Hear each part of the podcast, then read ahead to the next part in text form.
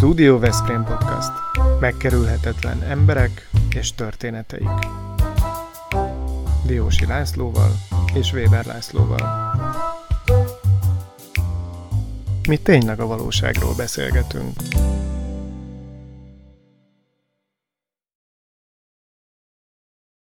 A Studio Veszprém Podcast mai beszélgető partnere Forgács Fábián Sára, aki az Amigosza Gyermekekért Alapítvány megálmodója és elnöke.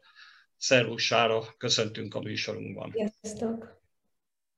A mai műsorunkat a 25 éves Ring Kft. támogatja. Látogassátok ti is a Ring Kft-t, vásároljatok autókat, javítsátok a járműveiteket. Reméljük, hogy patronus klubunk is tovább fog bővülni és erősödni. Sára, volt az életedben egy olyan esemény kilenc évesen, ami aztán meghatározta a továbbiakat. Gondolom innen indult minden, ami miatt akár a mai podcastban beszélgetünk veled. Idéz föl, légy szíves ezt. Igen, mondhatni, hogy elég meghatározó esemény, élmény volt. Kilenc évesen egy évet töltöttem kórházban, és ez idő alatt én magántanuló voltam, ott voltam szombathelyen kezeltek egyébként, és, és anyukámmal tanultam, megtanultuk a szorzótáblát, a környezetismeretet, tanítónéni Kiutka néni és Lilián néni a Rózsa iskolából egyébként összerakták nekem az anyagokat, vagy a anyukámnak, akin keresztül mindezt átadták nekem, és Laci bácsi még az informatikát is, és Hát nem tudom, Márta néni, Lovasi Márta néni, úgy emlékszem, hogy szerencsére az ének házi feladatot azt nem küldte el. Az egy kicsit megnyugvás jelentett nekem, mert a zenei tehetségem az mondhatni minimális, de a lényeg a lényeg, hogy egy nagy-nagy összefogás, családi és pedagógusok és barátok és tágabb családnak az összefogása kellett ahhoz, hogy egyébként úgymond zökkenőmentesen túl lettem ezen az egy éven, vagyis a régi osztályommal folytathattam a, a sulit ugyanúgy a Rózsaiskolában, és, és, és, és hogy meg is gyógyultam. Viszont látom azt, hogy nem mindenki van hasonlóan jó helyzetben, vagy könnyű helyzetben. Én azt gondolom, hogy könnyű helyzetben voltam.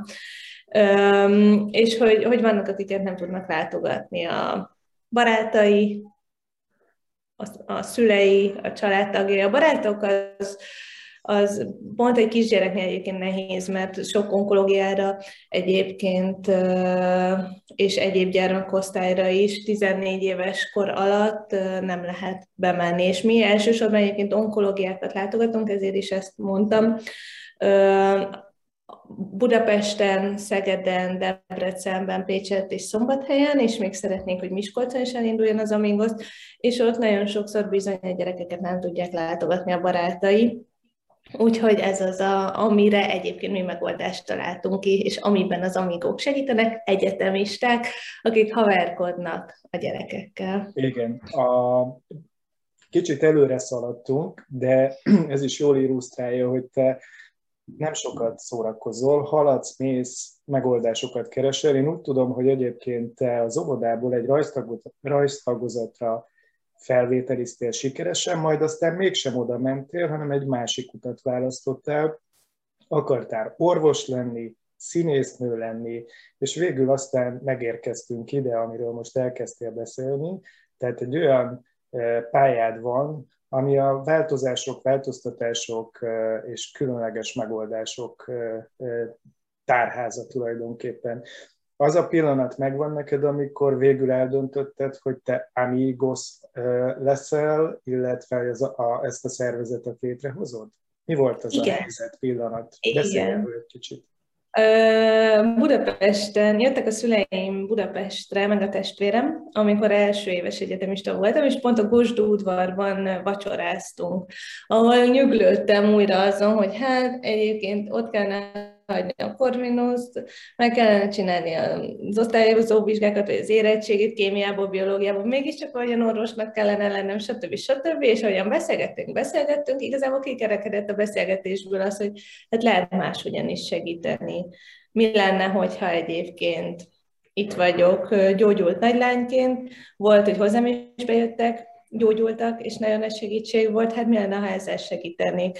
De hogy igazából így soha életemben szerintem semmit nem csináltam egyedül, Úgyhogy egyből az volt az első gondolatom, oké, akkor hogy lehet ebbe bevonni a barátaimat? Mi lenne, hogyha velük együtt járnánk be a kórházakba?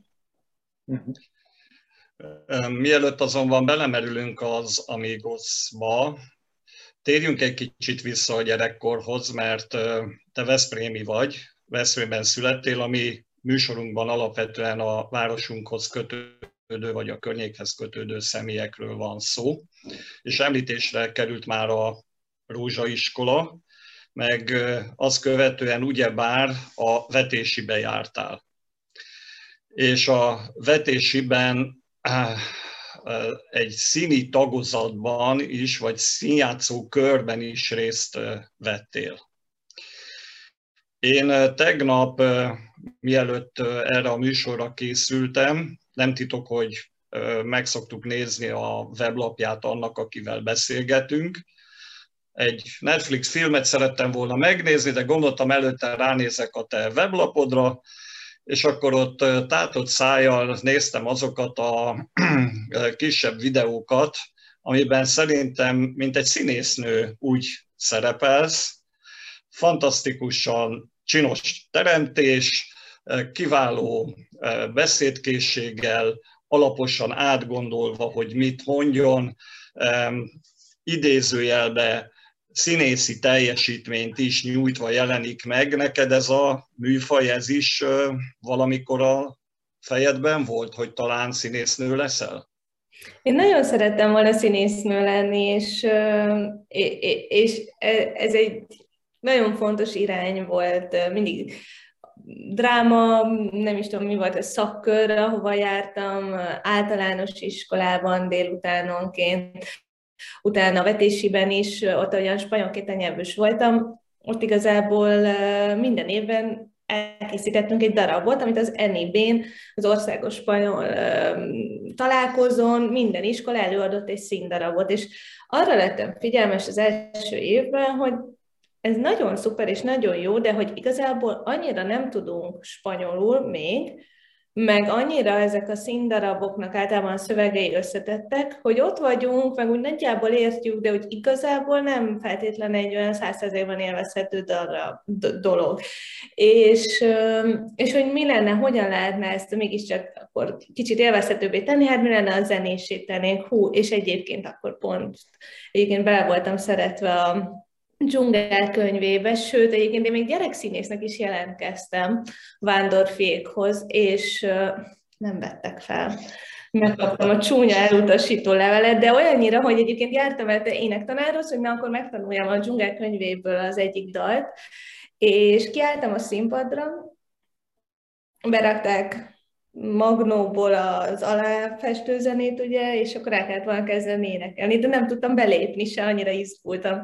És végül hát a zsűri így, vagy a bizottság elénekelte velem együtt, úgyhogy mondhatni egyértelmű volt a válasz, hogy mit fogok kapni, de mégis azért rosszul esett, hogy hát itt a gyermek színészi karrierem már az elején kettétörik, Viszont hogy ebben gondolkodtam, hogy hát akkor csináljuk meg a, a dzsungel könyvét spanyolul, milyen szuper lenne, oké, okay, de egyébként vannak olyan barátaim, Kovács Zsófi, aki nagyon sokáig táncolt, és, és rendkívül tehetséges, hát akkor legyen ő a koreográfus, tehát egy másik lányok meg tud énekelni, hát akkor legyen ő a, az énektanár, és énekeljen ő egyébként, és végül is én a, nem tudom, 13 majomból a 12-es számú majom voltam magában a darabban, viszont egy hatalmas nagy élmény volt, hogy megrendezhettem, segíthettem a tanárnőnek, ott a, összeraktuk a koreográfiákat, és hogy végül is egy saját, sajátomnak éreztem. És nyertünk vele a legjobb rendezést. Nagyon jó történet, és még egy eh, kapcsolódás van, ha már így a spanyolról beszéltél. Én úgy tudom, hogy ha te újjászületsz, akkor olasznak szeretnél újjászületni. Eh, mesélj erről, olasz lélek lakik benned?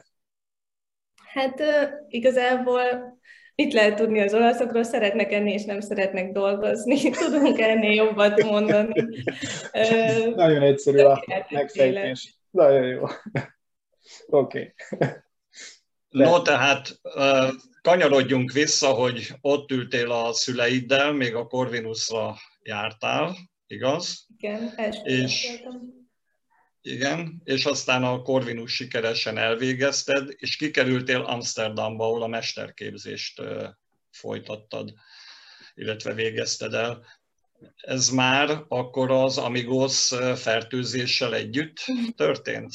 Ez így volt. Ez egy nagy projekt volt, hogy hogyan tudom úgy itt hagyni a szervezetet, hogy az továbbra is működjön, mert én akkor önkéntesen csináltam. Ezt viszont tudtam, hogy más nem fogja 40-50 órában hetente önkéntesen, meg nem is elvárható vezetni a szervezetet. És akkor nekem egyszer zajlott a mesterképzésre való jelentkezés, ami egy nyugati mesternél egy elég összetett és komplex dolog, főleg úgy, hogy a férjemmel szeretünk volna egy városban tanulni, de más terület érdekelt minket, szóval volt egy ilyen nagyon nagy táblázat a falon, hogy mit lehet ott tanulni, melyik város, mennyiből lehet megélni, mennyibe kerül a tandíj, milyen ösztöndíjak vannak, hogyan van felvételi módszertan, hiszen lehet, hogy egyikünket felveszik, de már előbb kell mondjuk választ adnunk, hogy elfogadjuk-e vagy nem a felvételt, még a másiknak nem jön meg az eredménye, szóval rengeteg mindent össze kellett hangolni, hogy egy helyen tudjunk tanulni. És mindeközben pedig kerestük az Amigosban mind a forrást arra, hogy hogy tudjunk fizetést adni valakinek, aki átveszi, illetve az embereket is. És végül nem egy, hanem kettő. Amigo, Noémi és Evelyn vették át az Amigosnak akkor a menedzselését egy évre, egy boldogságért felelős Amigo és egy fenntarthatóságért felelős Amigo egymást kiegészítve, én pedig stratégiai kérdésekben csatlakoztam be Amsterdamból, viszont ott alapvetően az elmélettel foglalkoztam, és kutattam azt, hogy miért maradnak hosszú távon velünk az önkéntesek, mit tud ezért tenni egy szervezet, hogy megtartsa az Y generációs önkénteseket. Hogy az Amigo barátot jelent, és egy alapítványt hoztatok létre, ugyebár, és e- ez az alapítvány az, amely segít a kórházban lévő gyerekeknek különböző módon. Pontosan. Igen, én a férjedre szerettem volna egy kicsit kitérni, hogy nála feltétel volt a férjévállásnál, hogy előtte legyen amigó belőle, vagy ez egy fordított folyamat volt? Mesélj róla egy kicsit, mert ő, néha látszik, de, de szeretnénk egy kicsit róla is többet tudni.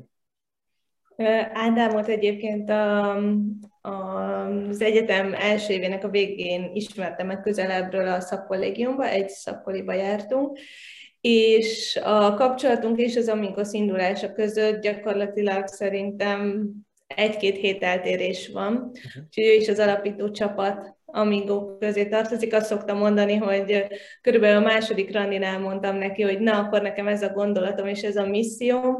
Van-e kedve csatlakozni? Hát mit mondhatott volna? Kész tökéletes csapda. Igen. Úgyhogy ő benne volt az alapító csapatban, és talán három évig is aktív Amigo volt, most pedig alumniként segít egyébként például a külföldi terjeszkedési projektet ő viszi, hiszen egyébként az üzleti szférában is ezzel foglalkozik, és úgyhogy megvan a ezzel kapcsolatos tapasztalata, most a non-profitba implementáljuk. Most azért meséld el nekünk, légy szíves itt a szervezeti felállást, hogy hogyan is néz ki ez az alapítvány, hogyan működik technikailag, hogyan bonyolítjátok ezt a segítő szolgálatot. Alapvetően 10 barátommal kezdtem el, 11-en voltunk 2014-ben, és ma már több mint 150 amigó van, és egy hete már öt városban, nem négy hiszen Budapest után megalakult a Szegedi csapat, aztán Debrecen és a Szombathelyi egy évben, aztán jött a Covid miatt egy más jellegű működés, és most a Pécsi Amigoszt is megalapítottuk.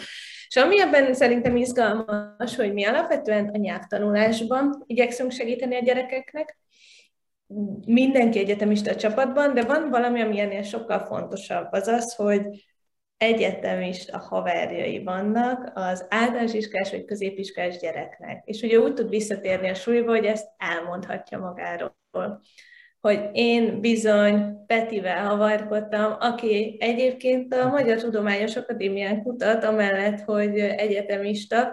Ki tudja, hogy mi ez a Magyar Tudományos Akadémia? Kérdezi tíz évesen a gyerek az iskába, szóval, hogy kihúzzuk őt abból a, a mindennapokban, ami a kórházban van, illetve olyan élményekhez juttatjuk, olyan történetekhez, ami, amihez egyébként a suliban sem feltétlenül kerülnek közel, hiszen egy váratlan élethelyzet az is, hogy valaki kórházban van, és az is egy váratlan élethelyzet, hogy valakinek úgymond egyetemista haverjai uh-huh. legyenek. Uh-huh. És, és ami még szerintem fontos, az az, hogy példát mutatunk, hiszen az egyetemista is tanul, mert hogy az Amigónak zárt helyi dolgozata van, ZH-ja, az gyereknek pedig témazárója tízért, de ugyanúgy matek-matek, vagy magyar-magyar, vagy lehet közgazdaságtan tanul, a másik ő történelmet, de hogy lényeg a lényeg, hogy mi is tanulunk, ugyanúgy gyerekek vagyunk, ugyanúgy vannak kihívások az életünkben, de közben már ott van a felnőtt lét is.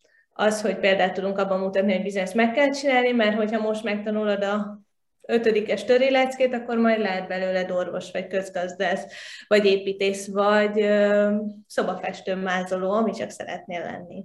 Sára, ha már a tanulásról beszélünk, ugye erre is térünk ki egy pár mondat erejéig majd, hogy te éppen egy doktori iskolába jársz, ahol a non-profit management a, a témád, de tegyünk rendet. A közbeszédben, a politikai beszédben manapság nagyon gyakran használjuk a az NGO, a civil, a non-profit fogalmakat, és én úgy látom, hogy ebben némiképpen káosz van, hogy ezek ugyanazok, nem ugyanazok, másról beszélünk, tudnál egy kicsit segíteni nekünk?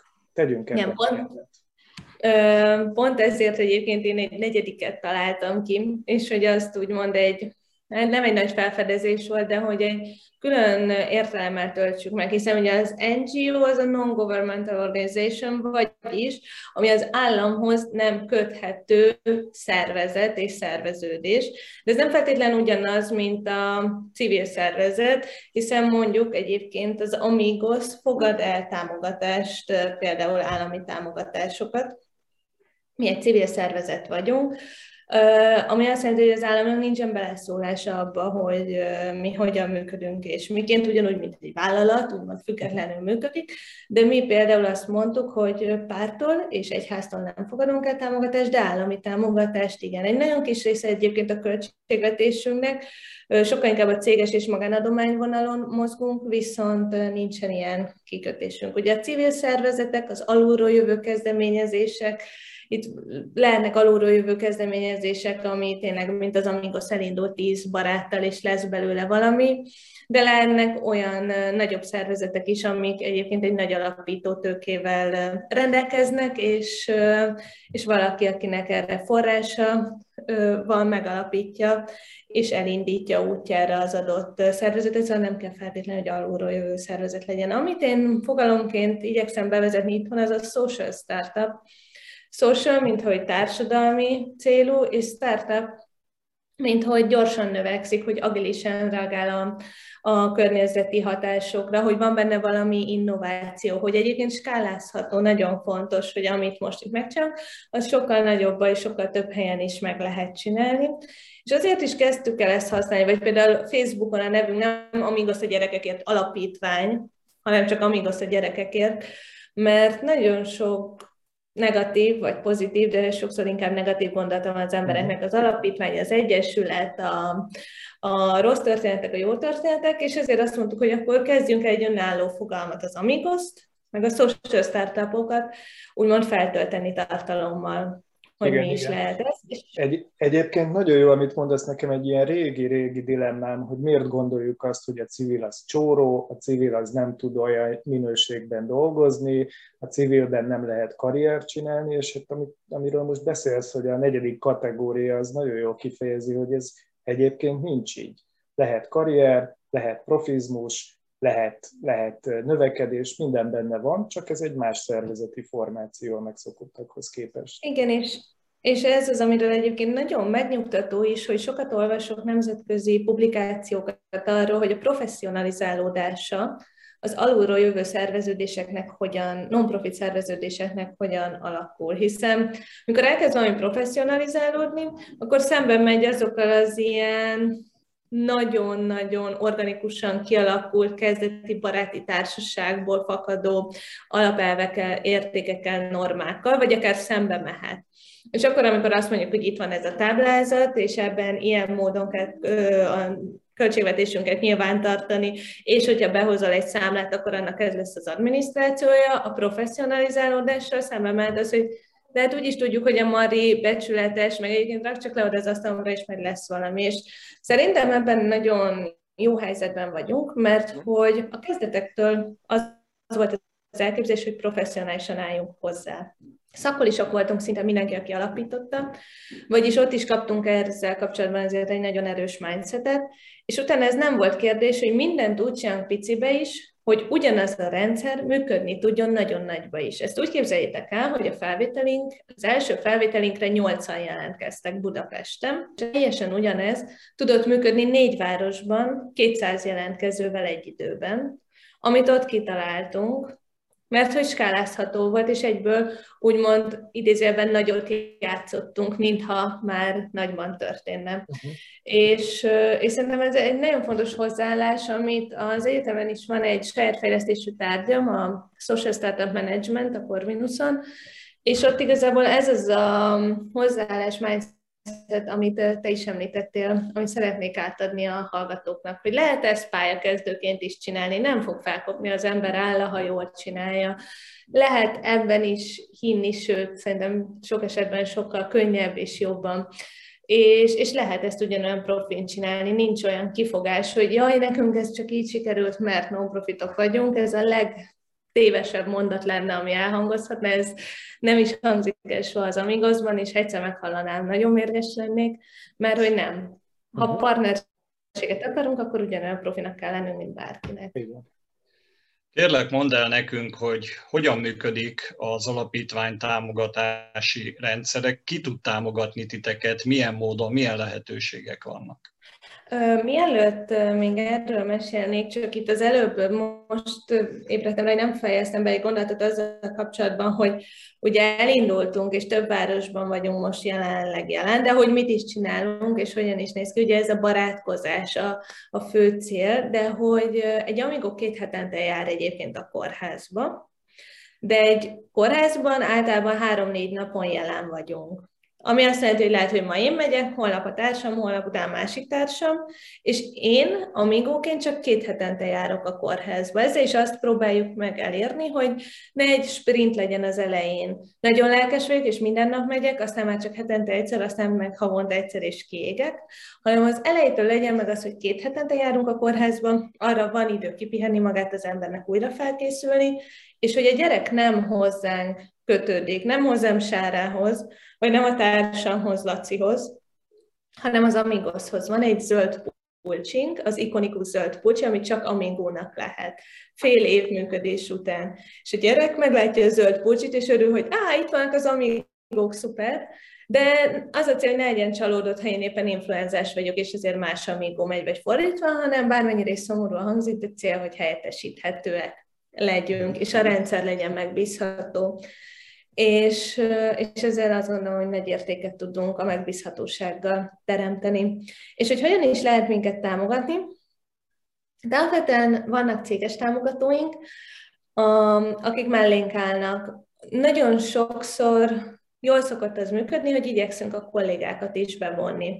Hogy ez a támogatás ne csak egy utalás legyen, és valaki rákattint a, a gombra az ügyvezetője, vagy a pénzügyes az adott cégnek, és kész, hanem hogy mi is mit tudunk ebbe beletenni. Tréningeket tartunk a fiatalabb generáció motiválásáról, van ö, ö, érzékenyítő tréningünk, közös kézműveskedés a kollégákkal vagy a kollégák gyerekeivel, szóval tényleg egy profizmusra épülő partnerség legyen, ők pénzt tudnak nekünk adni, mi pedig azt, amihez értünk. És a magánszemélyeknél pedig vannak kampányaink, most például a nagykövet kampányunk fut, ahol én például a hugommal gyűjtök nagykövetként az Amigosnak arra, hogy Pécsen is tudjon működni, és Miskolcon elindulni, illetve hát adó egy százalékot is gyűjtünk, és vannak rendszeres támogatóink, az Amigos Família, így hívjuk, a nagy család, a baráti család, akik azt mondják, hogy havonta feliratkoznak, és lehet, hogy csak 500 forinttal, vagy 1000 forinttal, vagy van ki 10 ezerrel. A lényeg a kiszámíthatóság, hogy mi tudjuk azt, hogy minden hónapban számíthatunk mondjuk arra az egy kávé árára, és tudunk ezzel tervezni, hiszen az a cél, hogy ne csak 5 év múlva, hanem 500 év múlva is működjünk. Nagyon jó, és mi megígértük a beharangozónkban, hogy lesz egy bejelentésünk ma ebben az epizódban, akkor ezt most a legilletékesebb előtt fogjuk megtenni. Járt a mi műsorunkban a barátnőd, Kovács Zsófi, majd aztán őt követte Hernyák Tomi, és hát mi értesültünk róla, hogy ők nagykövetekké váltak, és elindítottak ők is egy, egy gyűjtést. Mindjárt meg is mutatjuk, hogy kikről beszélünk. Itt látható Tomi és Zsófi, és a Studio Veszprém Podcast is szeretne a segítségetekre lenni oly módon, hogy Zsófit és Tomit, mint nagyköveteket mi mindenképpen szeretnénk támogatni, úgyhogy erről majd őket is értesítjük, de úgy gondoltuk, hogy először téged, illetve a hallgatókat és a nézőket értesítjük. Úgyhogy ez egy remek lehetőség a Veszprémieknek ahhoz, hogy a Veszprémieken keresztül támogassák azokat a gyerekeket, akik a kórházban kényszerűségből töltik az idejüket, viszont ti próbáltok gondoskodni róluk, úgyhogy egy kicsit mi is ott leszünk majd Köszönjük szépen. Köszönjük. És persze örülnénk neki, ha Veszprémben is lennének majd amigók, talán egyszer eljön az ideje. Te grandiózus terveket ö, ö, találtál ki, mégpedig azt, hogy egyszer majd talán valamikor minden kórházba el lehet jutni. Hát, hogy ez mikor és hogyan történik, ez nyilvánvalóan kétséges, meg, meg hát egyáltalán nem kétséges. Kérdéses, akkor kérdéses. Alapvetően lépésről lépésre haladunk, de tényleg ott van a cél a végén, hogy azt gondolom, hogy egészségügyi rendszer fejlettségétől vagy fejletlenségétől függetlenül arra, hogy egy beteg gyerek mellett ott legyenek a barátai, szükség van. És egyébként Veszprémben még nem vagyunk személyesen jelen, viszont tavaly karácsonykor csináltunk egy nagy ajándékozást, ahol 36 gyermekkórházba juttattunk el ilyen nagyon-nagyon nagy és nagyon menő legószetteket a gyerekeknek.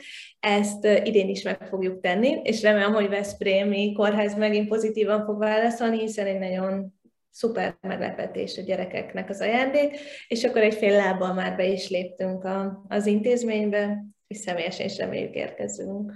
Lassan, lassan a végére érünk a beszélgetésnek, és én szeretnék fölidézni egy olyan beszédet, amit tőled hallhattak a Corvinusos diákok. Ez nem olyan régen hangzott el, amiben te a saját pályád, utad, karriered három fő szabályáról beszéltél. Ez engem nagyon, nagyon inspirált. Igen, sokszor veszem azt észre, hogy amikor jönnek egy ötlettel, akár a barátaim, akár hallgatók az egyetemen, a környezetem, hogy na majd egyszer, majd talán valamikor, na. És megkérdezem, hogy oké, okay, de miért nem most? és igazából nem tudunk rá válaszolni. Nagyon sokszor olyan távolinak tűnnek nagyon közeli dolgok, úgyhogy ezért hangzik így az egyik, hogy a halogatás toxikus, és nagyon könnyű belekeverednünk, akár csak egy e-maillel, hogy ma küldem el, vagy holnap, de ugyanígy a nagy világ megváltó tervekkel is. A másik az az, hogy higgy magadban, és csináld azt, amiben hinni is tudsz, mert hogy én azt gondolom, hogy nagyon sok önbizalom kellett ahhoz, és, és magamban vetett hit, meg a környezetemben vetett hit, hogy, hogy egy ilyen nem szokásos életpályát el tudja kezdeni. Hiszen ott volt kikövezettnek mondható, akár mondjuk tanácsadói vagy könyvvizsgálói út, ahol a pénzügyi számítel diplomával nagyon nagy eséllyel el lehet helyezkedni, látom magam a létrákat, ha ezt és ezt teljesítem, és megugrom, akkor sikerülni fog.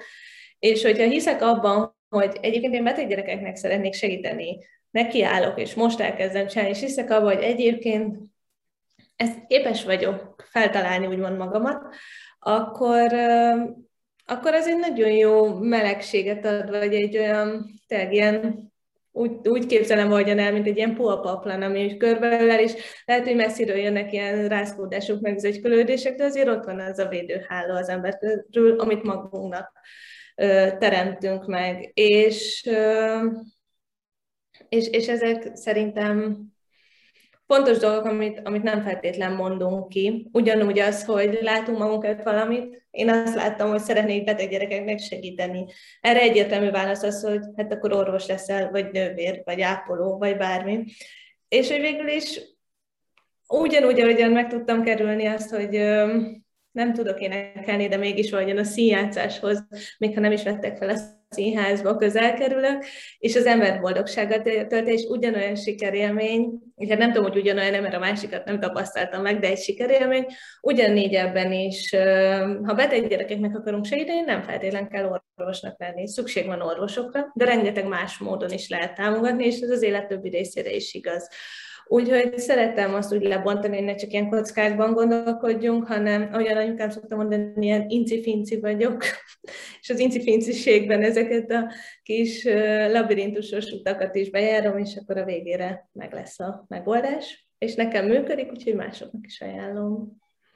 Sára, köszönjük szépen, hogy műsorunkban láthattunk, és arra buzdítjuk Patronus Klubunk tagjait, és az összes nézőt és hallgatót, hogy minél többen segítsenek, támogassák az alapítványt. Reméljük, hogy ezzel így hozzájárulhatunk ahhoz, hogy a beteg gyerekek egészségesek legyenek. Köszönjük a Patronus Klub tagjainak, a Royal Kertnek, a Nyugalomnak, az Assixnak, a Prospektusnak, a Kutés Fia Kft-nek, a Ring Kft-nek, a Bramaknak, a Vitakingnek, a Targon Trade-nek, és a Szófia Magánklinikának, hogy fontosnak tartják műsorunkat, és reméljük, hogy a jövőben ugyancsak színes és változatos eh, műsorokkal rukkolhatunk elő. Köszönjük, hogy itt voltál velünk. Köszönöm szépen a meghívást. És jó egészséget a srácoknak a kórházban. hát az szia. köszönjük. Szia, szia.